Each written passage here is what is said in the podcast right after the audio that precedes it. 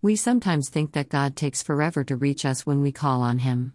Perhaps, at times, it is because our lives are cluttered with so much rubble and debris that He must remove it before we can see the daylight of His love. But He is never slow to respond to our needs. Prayer is thanking instead of complaining. Prayer is rejoicing, accepting, appropriating, and receiving. True prayer is confidence, trust, and faith in God. Prayer does not always lead us to an answer that satisfies our wants, desires, and curiosities, nor an answer that solves all our problems. How can we claim to have faith in God while failing to communicate with Him?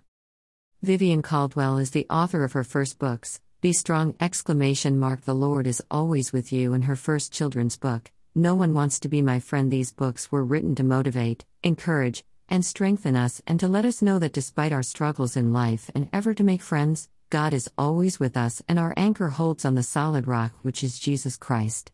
Her book is now available on Amazon and Barnes and Noble so get your copy today.